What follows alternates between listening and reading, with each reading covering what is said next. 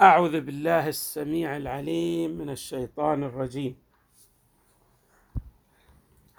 بسم الله الرحمن الرحيم والحمد لله رب العالمين والصلاة والسلام على أشرف الخلق سيدنا ونبينا محمد وآله أجمعين الطيبين الطاهرين.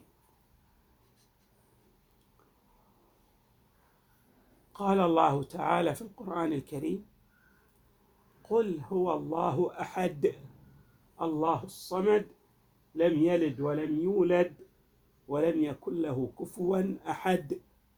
كذلك الله في صفاته. هذه السورة المباركة وهي سورة التوحيد تتحدث عن الحق تبارك وتعالى.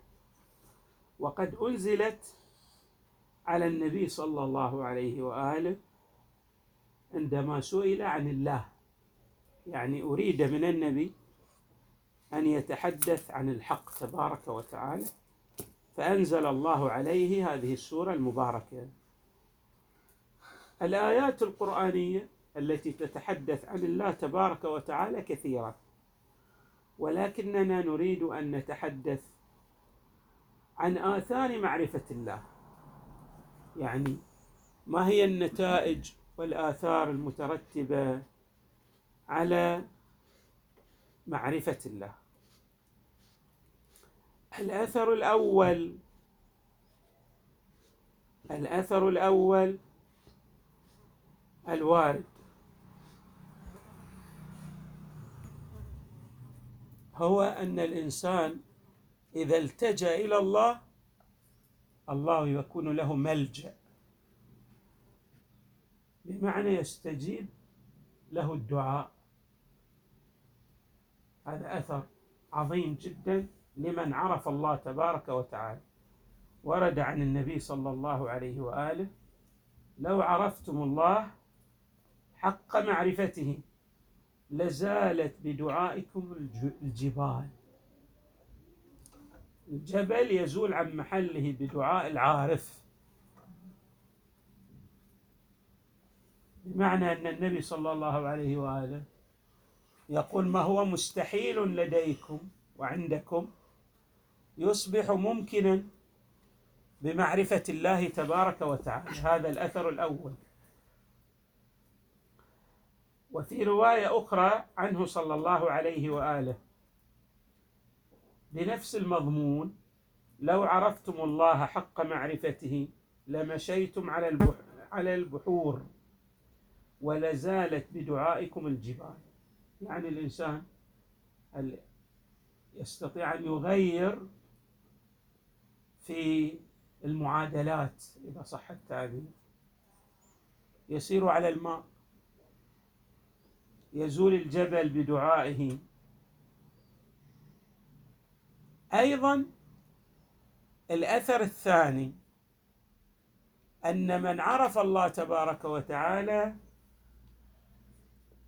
يعتدل في سلوكه. سنشير إلى سلوك من السلوك العرفاني. وقد أشارت إليه هذا السلوك طائفة من الروايات. خلاصته أن العارف بالله يتساوى الخوف والرجاء في قلبه بمعنى يعتدل في مساره السلوكي إلى الله. بعض الناس تشوف عنده رجاء كثير فلذلك قد يقترف المحرمات ويرجو الله.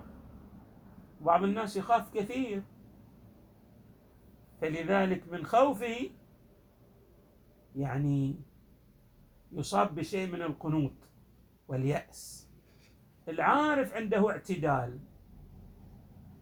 بعض الروايات تعبر عنه بأنه لو وزن الرجاء في قلبه مع الخوف لما زاد أحدهما عن الآخر. تساوي اعتدال. الإمام أمير المؤمنين يقول ينبغي لمن عرف الله سبحانه أن لا يخلو قلبه من رجائه وخوفه. هذا أثر. يكون عنده خوف ورجاء من الله ويعتدلان أيضا في قلبه. طبعا الخوف والرجاء لهما تأثيرات كبيرة على حياة الإنسان. وهما يروضان قلب الإنسان. يعني يجعلان الإنسان يسير بتقدم مضطرد نحو الله تبارك وتعالى. شوفوا هذه الرواية في زيارة الأئمة عليهم السلام في الزيارة الجامعة الكبيرة لأئمة المؤمنين. غير الزيارة الجامعة الكبيرة هذه. هناك زيارتان. الزيارة اللي واردة يزار بها في كل ليلة جمعة عن الإمام الهادي. وهناك زيارة أخرى اسمها الزيارة الجامعة لأئمة المؤمنين. فيها مقطع جميل جدا يشرح وصفا من أوصاف أئمة أهل البيت. هذا الوصف كالتالي في الزيارة. أن ولكم القلوب التي أراضها الله بالخوف والرجاء وجعلها أوعية للشكر والثناء. يعني قلوبكم الله تبارك وتعالى جعلها مرتابة بخوفه ورجائه ووعاء لشكره والثناء عليه. جميلة العبارة جدا. أيضا من الآثار الواردة في الروايات هي أن من عرف الله يكون عنده رغبة ملحة فيما عند الله تبارك وتعالى. بمعنى يرجو الخير الكثير الذي لا حد له ولا يستطيع أحد أن يحصيه من عند الله. الناس الذين لا يعرفون الله يتوجهون إلى الخلق أما من عرف إلى عرف الله يتوجه إلى الله ويعلم بأن الله على كل شيء قدير وأنه القادر على تلبية رغباته واحتياجاته في دنياه واخراه عن الإمام أمير المؤمنين عليه السلام ينبغي لمن عرف الله سبحانه أن يرغب فيما لديه. نعم. أيضا من آثار معرفة الله الخشية من الله وقد ورد هذا المعنى في القرآن الكريم. إنما يخشى الله من عباده العلماء. كل عالم بالله سوف يخاف من الله. من كان بالله أعرف كان منه أخوف. الذين لا يخافون من الله هم الناس الجهال. الجاهل من طبيعته لا يخاف من الله. لماذا؟ لأنه يجهل الله ما يعرف قوانين الكون. ولذلك تشوفه يعني كالدواب كالأنعام. يقترف ما يشاء ويفعل ما يريد دون وازع ولا رادع. أما الذي يخاف من الله فهو يسير على صراط مستقيم. نعم.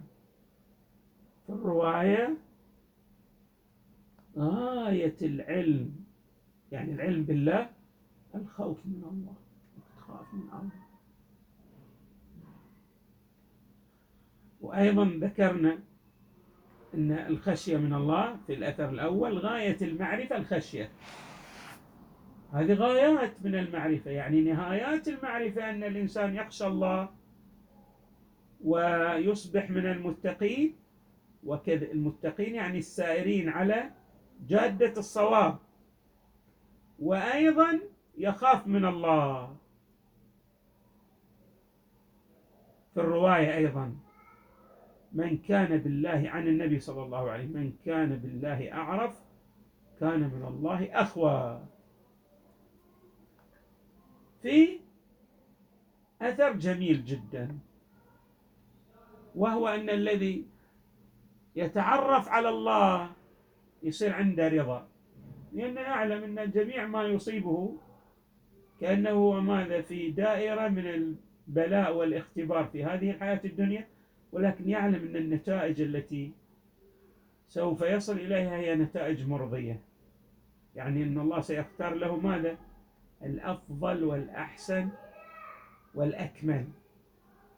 في الرواية عن الإمام الصادق إن أعلم الناس بالله أرضاهم بقضاء الله عز وجل. الذي يصل إلى الدرجة الأعلى في معرفة الله سوف يكون عنده درجة كبيرة جدا من الرضا بقضاء الله وقدره وما يجري عليه.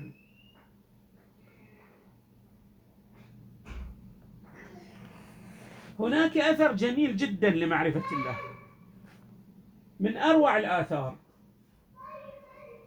أن الذي يعرف الله تبارك وتعالى يعذر الناس. شلون يعذر الناس؟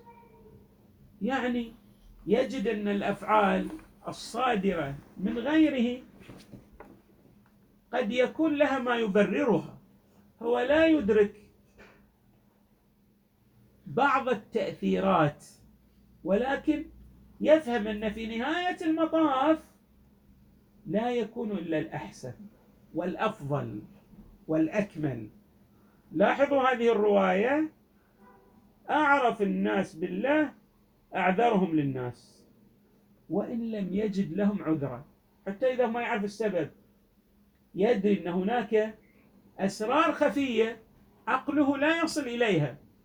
ولكن هذه الأفعال الصادرة من الناس لها ما يبررها وهناك عواقب ستترتب عليها في نهاية المطاف لا يكون إلا ما هو الأحسن كما قلنا. اذا هذه آثار جميلة وعظيمة لمعرفة الله تبارك وتعالى ينبغي للمؤمن أن يلتفت إليها بمعنى أن يرسخ معرفته بالله تبارك وتعالى ليحصل هذه الآثار. طبعا هذه الآثار كما يقول العلماء لها درجات. يعني هي على نحو الوجود التشكيكي. مثل البياض له درجات هذا أبيض وذاك أكثر في بياضه الألوان كيف تتفاوت في درجتها. العلم هكذا أيضا يتفاوت في درجاته بعض الناس أعلم من بعض. هذه الآثار التي وردت مثل درجة الرضا. واحد واصل إلى درجة راسخة من الرضا. والاطمئنان لأنه عنده حالة من العمق في معرفته بالله عز وجل وهلما جرى في بقية الآثار التي ذكرناها لمعرفة الله تعالى. نسأل الله تعالى أن يجعلنا من العارفين به والسائرين في صراطه المستقيم مع محمد وآله البررة الميامين في الدنيا والآخرة وصلى الله وسلم وزاد وبارك على سيدنا ونبينا محمد وآله أجمعين الطيبين الطاهرين.